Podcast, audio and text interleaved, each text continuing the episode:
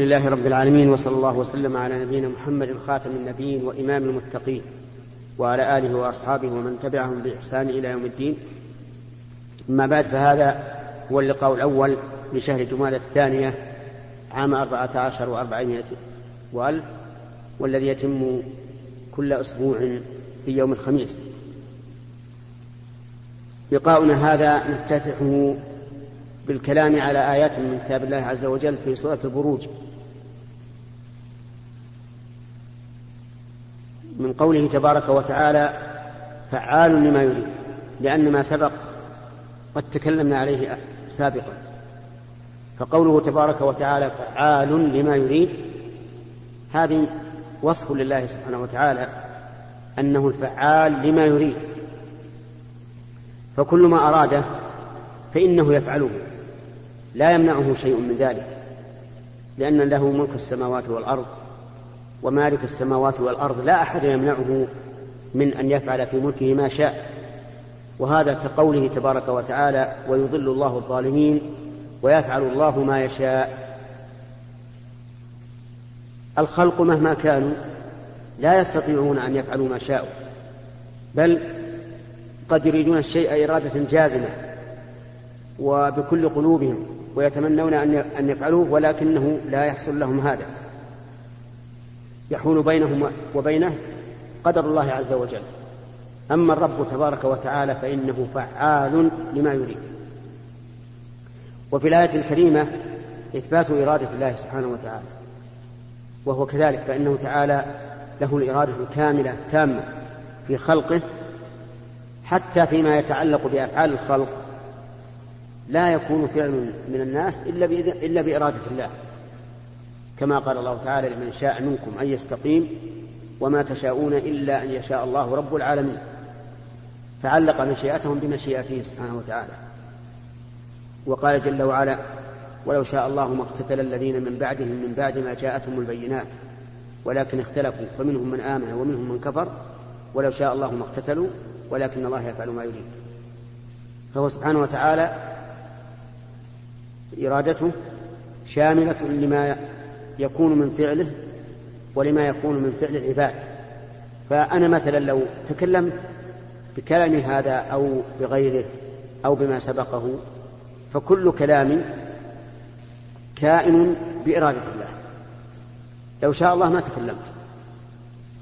وإذا شاء الله أن أتكلم تكلمت فتنبعث من قلبي إرادة للكلام فأتكلم. ولهذا قال فعال لما يريد. ثم قال عز وجل هل أتاك حديث الجنود؟ والخطاب لرسول الله صلى الله عليه وعلى, آله وسلم أو لكل من يصح أن يتوجه إليه الخطاب والاستفهام للتنبيه. لأن الشيء إذا جاء باستفهام انتبه له الإنسان أكثر. فالله عز وجل يقول هل أتاك حديث الجنود؟ الجنود جمع جند وهو هنا مبهم لكنه فسره بقوله فرعون وثمود. يعني هل أتاك خبرهم؟ والجواب نعم أتانا خبرهم. قص الله سبحانه وتعالى علينا من نبأ فرعون وقص علينا من نبأ ثمود. ما فيه العبرة لمن كان قلبه حي. أو ألقى السمع وهو شهيد. آه، فقصة فرعون ذكرها الله تعالى في آيات كثيرة في القرآن الكريم وفي سور متعددة وذلك لأن قصة فرعون آه، مقدمة بين يدي رسالة موسى صلى الله عليه وعلى آله وسلم وموسى كما هو معروف للناس مبعوث إلى اليهود إلى بني إسرائيل. فكان الله سبحانه وتعالى يقص من نبأ موسى ما لم يقص من نبأ غيره لأن النبي صلى الله عليه وعلى آله وسلم سوف يكون مهاجره إلى المدينة والمدينة فيها ثلاث قبائل من اليهود ساكنة فيها. فكان النبي عليه الصلاة والسلام يعلم من نبأهم الشيء الكثير من أجل أن يكون على استعداد لمناظرتهم ومجادلتهم بالحق حتى لا يخفى عليه من أمرهم شيء. فرعون ملك مصر. وهل هو علم شخص أو علم وصف؟ بمعنى هل إن فرعون اسم للجبار العنيد الذي بعث إليه موسى أو إنه وصف لكل من ملك مصر وهو كافر؟ يعني هل هو علم وصف أو علم شخص؟ من العلماء من يقول إنه علم شخص يعني أن الرجل الذي أرسل إليه موسى وهو جبار عنيد يسمى فرعون.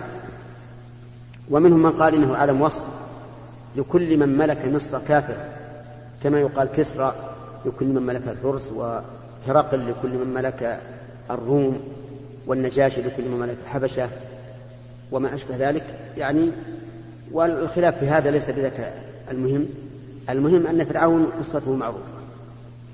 كان جبارا عنيدا متكبرا يدعي أنه الرب ويستهزئ بموسى وبما جاء به من الآيات ويتحداه ويقول له صراحة وجها لوجه إني لا أظنك يا موسى مسحورا. ويفتخر يقول لقومه أليس لي ملك مصر وهذه الأنهار تجري من تحتي؟ أفلا تبصرون؟ أم أنا خير من هذا الذي هو مهين ولا يكاد يبين؟ فلولا ألقي عليه أسورة من ذهب أو جاء معه الملائكة مقترنين. وماذا كان كانت النتيجة؟ كانت النتيجة أن كفر به أخص الناس بكيده وهم السحرة. فإن السحرة لما جمعوا كل ما عندهم من السحر وجاءوا لمقابلة موسى عليه الصلاة والسلام حيث إن موسى أتى بآية تشبه السحر ولكنها ليست بآية السحر بل هي آية من آيات الله وهي أنه يضع العصا الذي بيده عصا من خشب فإذا وضعه في الأرض صار حية تسعى فقال الناس هذا سحر فجمع السحرة كلهم أكبر السحرة وأحذقهم بالسحر جمعوا. جمعوا في وقت في وقت حدده موسى حيث قال له فرعون اجعل بيننا وبينك موعدا لا نخلفه نحن ولا أنت. مكانا سوى يعني مكانا مستويا منبسطا. حتى يشاهد الناس ما, ما, ما يشاهدون من السحر وأعمال السحرة. فقال لهم موعدكم يوم الزينة. ويوم الزينة يوم عيد. ويوم العيد كما تعلمون يكثر تجمع الناس ويهنئ بعضهم بعضا بأعيادهم. اجتمعوا وعدهم موسى يوم يوم الزينة وحشر الناس. ومتى حشروا؟ لم يحشروا في الليل أو في آخر النهار أو في أول النهار حشروا ضحى في رابعة النهار. ولما حشروا ألقى السحرة كل ما يكيدون من كيد وسحر. فإذا حبالهم وعصيهم يخيل إليه من سحرهم أنها تسعى. فأوجس في نفسه خيفة موسى. لأنه يعني شاهد شيئا عظيما. فأوحى الله إليه أن يلقي العصا فألقى العصا فإذا هي تلقف ما يفعلون حينئذ علم السحرة أن أن موسى صادق وأنه ليس بساحر.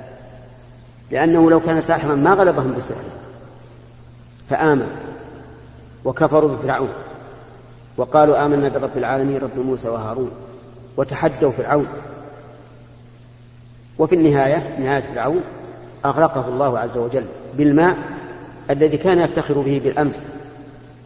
كان يقول هذه الأنهار تجري من تحته والأنهار مياه فأهلكه الله بجنس ما كان يفتخر به. أما ثمود فإن ثمود أعطاهم الله تعالى قدرة وقوة وأترفهم حتى كانوا ينحتون من الجبال بيوتا فارهين. ويتخذون من الجبال من السهول قصورا. وكان لهم قوة وصرامة. فأهلكوا حين كذبوا نبيهم صالحا صلى الله عليه وسلم. أهلكوا برجفة وصيحة. صيح بهم وارتجفت بهم الأرض فهلكوا عن آخرهم أصبحوا في ديارهم جاثمين والعياذ بالله. فالله عز وجل يقول هل أتاك حديث الجنود فرعون وثمود وماذا كان من نبأهم؟ وفي هذا التنبيه فائدتان. الفائدة الأولى تسلية النبي صلى الله عليه وعلى آله وسلم وتقويته وأن الذي نصر الرسل من قبله سوف ينصره. ولا شك أن هذا يقوي العزيمة ويوجب أن يندفع الإنسان فيما كلف به من تبليغ الرسالة. والثاني أو الثانية تهديد قريش الذين كذبوا الرسول عليه الصلاة والسلام وأنهم ليسوا أشد قوة من فرعون وثمود ومع ذلك أهلكهم الله سبحانه وتعالى فيكون في ذكر هذا فائدتان الفائدة الأولى تسلية الرسول صلى الله عليه وعلى آله وسلم والفائدة الثانية تهديد قريش الذين كذبوا الرسول عليه الصلاة والسلام. ثم قال تعالى بل الذين كفروا في تكذيب بل الذين كفروا في تكذيب. هذا الإضراب للانتقال من موضوع إلى آخر. والذين كفروا يعني بمحمد صلى الله عليه وعلى آله وسلم في تكذيب في للظرفية كأن هؤلاء منغمسون في التكذيب والتكذيب محيط بهم من كل جانب.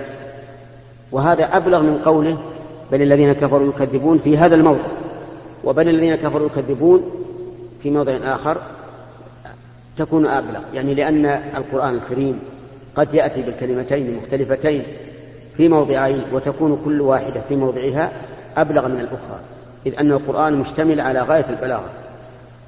بل الذين كفروا في تكذيب. والله من ورائهم محيط.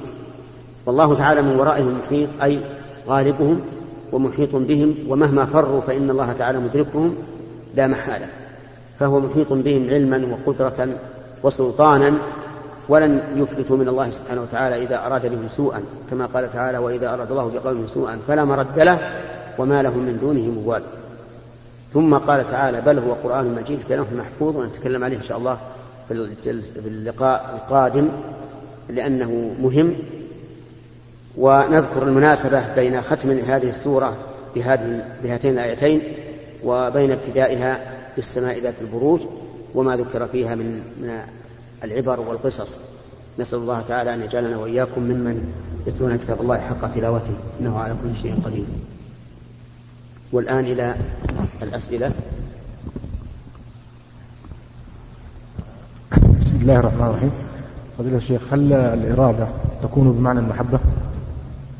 فعال بما يريد. إيه؟ نعم. آه، إرادة الله سبحانه وتعالى قال العلماء إنها تنقسم إلى قسمين. إرادة بمعنى المحبة وإرادة بمعنى المشيئة. فأما الإرادة بمعنى المحبة فلا تكون إلا فيما يحبه الله عز وجل مثل قوله تعالى والله يريد أن يتوب عليكم.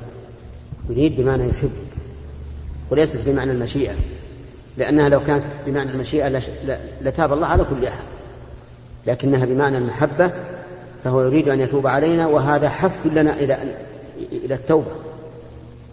حث لنا على التوبة لأن الله يحب التوابين وقد قال النبي عليه الصلاة والسلام لله أشد فرحا بتوبة عبده من أحدكم بناقته. انتبه التصوير بناقته كان عليها طعامه وشرابه. وكان في أرض فلات ليس حوله أحد. فأضل الناقة وضاعت الناقة فطلبها فلم يجدها. فاضطجع تحت شجرة ينتظر الموت. فبينما هو كذلك إذا بخطام ناقته متعلقا بالشجرة فأخذ بخطامها وقال اللهم أنت عبدي وأنا ربك. أخطأ من شدة الفرح. فقوله تعالى والله يريد أن يتوب عليكم أي يحب. والنوع الثاني أو القسم الثاني من الإرادة إرادة كونية بمعنى المشيئة. وهذه لا تتعلق بما يحبه فقط بل تكون فيما يحبه وفيما لا يحبه. وهي التي بمعنى المشيئة ومنها هذه الآية فعال لما يريد أي لما يشاء كما قال تعالى في آية أخرى ويفعل الله ما يشاء. وبناء على ذلك لو قال لنا القائل هل أراد الله هل أراد الله المعاصي من الناس؟ إن قلت لا أخطأت. وإن قلت نعم أخطأت يعني لو قال قائل هذه المعاصي التي تقع من الناس من الكفر والفسوق والفجور هل هي هل هل هي مرادة لله؟ وهل أرادها الله؟ ماذا تقول؟ إن قلت لا أخطأت وإن قلت نعم أخطأت إذا لابد من التفصيل تقول أما بالإرادة الكونية فقد أرادها ولا يخرج عن ملكه شيء عن إرادته لا يخرج في ملكه شيء عن إرادته. وإن أردت وإن أردت الإرادة الشرعية فإن الله لم يرد ذلك. لم يرد من العباد أن يفجروا وأن يكفروا وأن يفسقوا بل هو يريد منهم أن يصلحوا. ولكن حكمته عز وجل جعلت الناس ينقسمون إلى مؤمن وكافر. نعم.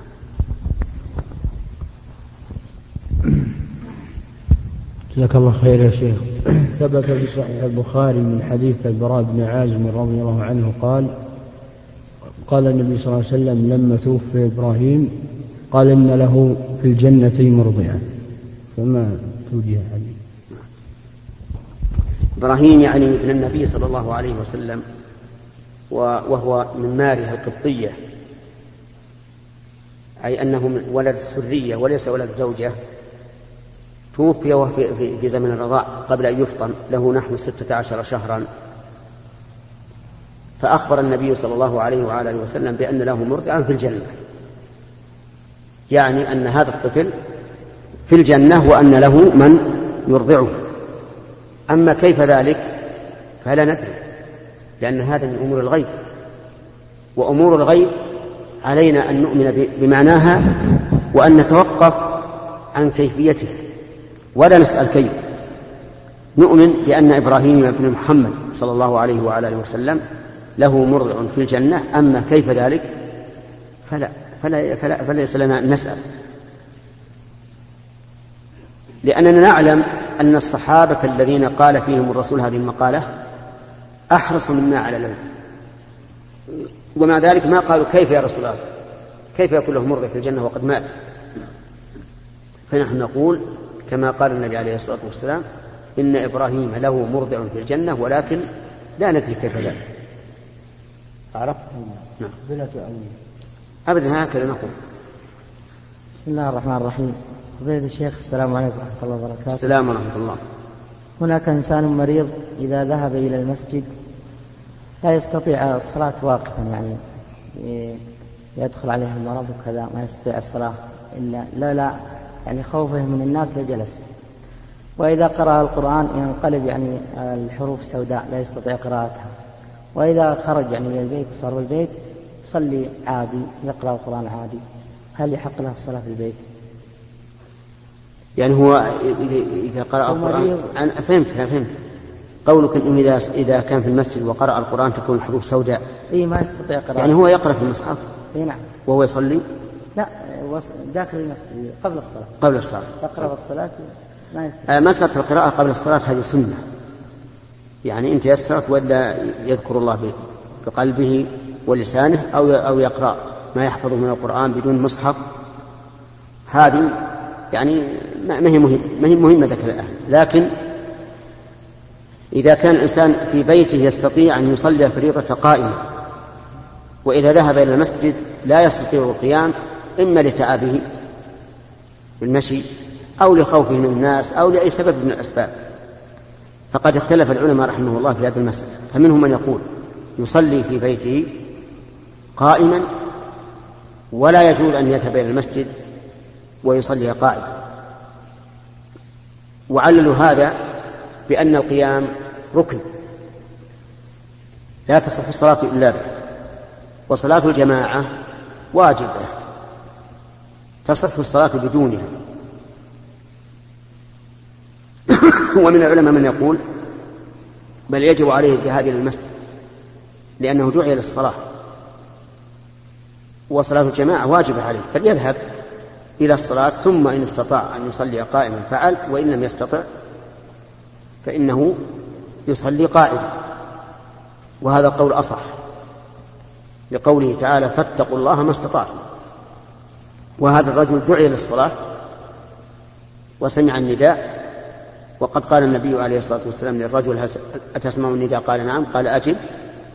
فليجب. ثم إذا وصل إلى المسجد إن قدر على القيام قام وإلا صلى جالسا. فهذا القول هو الصحيح. و و و والقيام ليس بركن في حق الآن لأنه ليس بواجب لأنه ليس بقادر عليه. يختلف عقليا داخل الصلاة. عاد إذا كان يختلف عقليا بحيث لا يدري ما يقول. فهذا عذر. عذر في في ترك الجماعة. فليصلي في بيته. نعم. أحسن الله إليك يا شيخ. نعم في بعض المدارس آه، وفي نهاية الحضور الصباحي يقوم الطلاب بإنشاد ما يسمى بالنشيد الوطني. فما رأيكم بهذا؟ ما هو النشيد الوطني؟ أه لا أحفظه لكن قولهم أه ما أدري كان أحد من الأخوان يحفظه. سارع المجد والياء مجدي لخلق السماء وارفع الخفاق ليش؟ سارع. المجد والياء يخاطب من؟ امرأة ولا يخاطب نفسه؟ أو سارعي. الوطني لا يعني العلم العلم يقال سارع. مو العلم مذكر. الراية. آه. الراية آه. سارعي المجد والعليا ومجدي لخالق السماء. وارفع الخفاق. وارفعي الخفاق أكبر. وارفع الخفاق. الخفاق آخر يحمل النور المسطر. رددي الله أكبر. يا موطني. عاش المليك للعلم والوطن. على كل حال هذه أرى أن الذي يجب أن يسأل عنها هم الذين بيدهم إلغاؤها أو إبقاؤها. وهذه قاعدة أحب أحب أن ينتبه لها من يستفتى. يأتي مثلا بعض الناس ممن هم تحت إدارة معينة ويكون في هذه الإدارة بعض التجاوزات وبعض المنكرات فيأتي أحد الإخوة يسأل عنها. ربما يجيب